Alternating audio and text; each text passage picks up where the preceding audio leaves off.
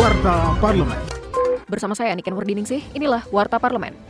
Ketua DPR RI Puan Maharani menilai pemerintah perlu menggelar program-program edukasi bagi anak dalam hal pendidikan seksual untuk melindungi diri dari potensi bahaya kejahatan seksual. DPR RI mendukung digencarkannya patroli cyber untuk mengusut jaringan prostitusi online yang melibatkan anak di bawah umur. Puan menegaskan pihak kepolisian harus bisa mengusut tuntas kasus prostitusi online agar dapat menyelamatkan anak-anak yang menjadi korban. Warta Parlemen.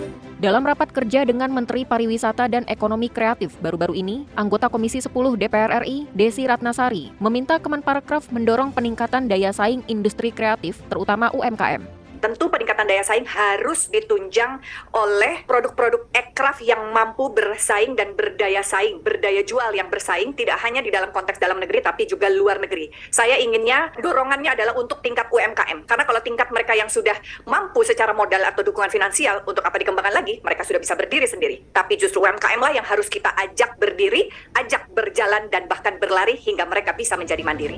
Informasi selengkapnya kunjungi laman dpr.go.id.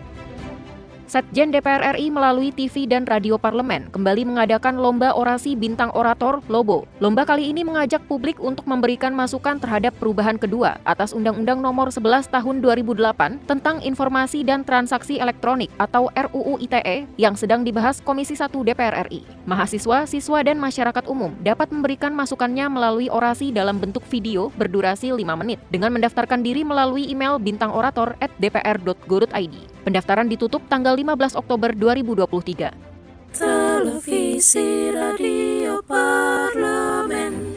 Demikian Warta Parlemen, Produksi Televisi dan Radio Parlemen, Biro Pemberitaan Parlemen, Setjen DPR RI.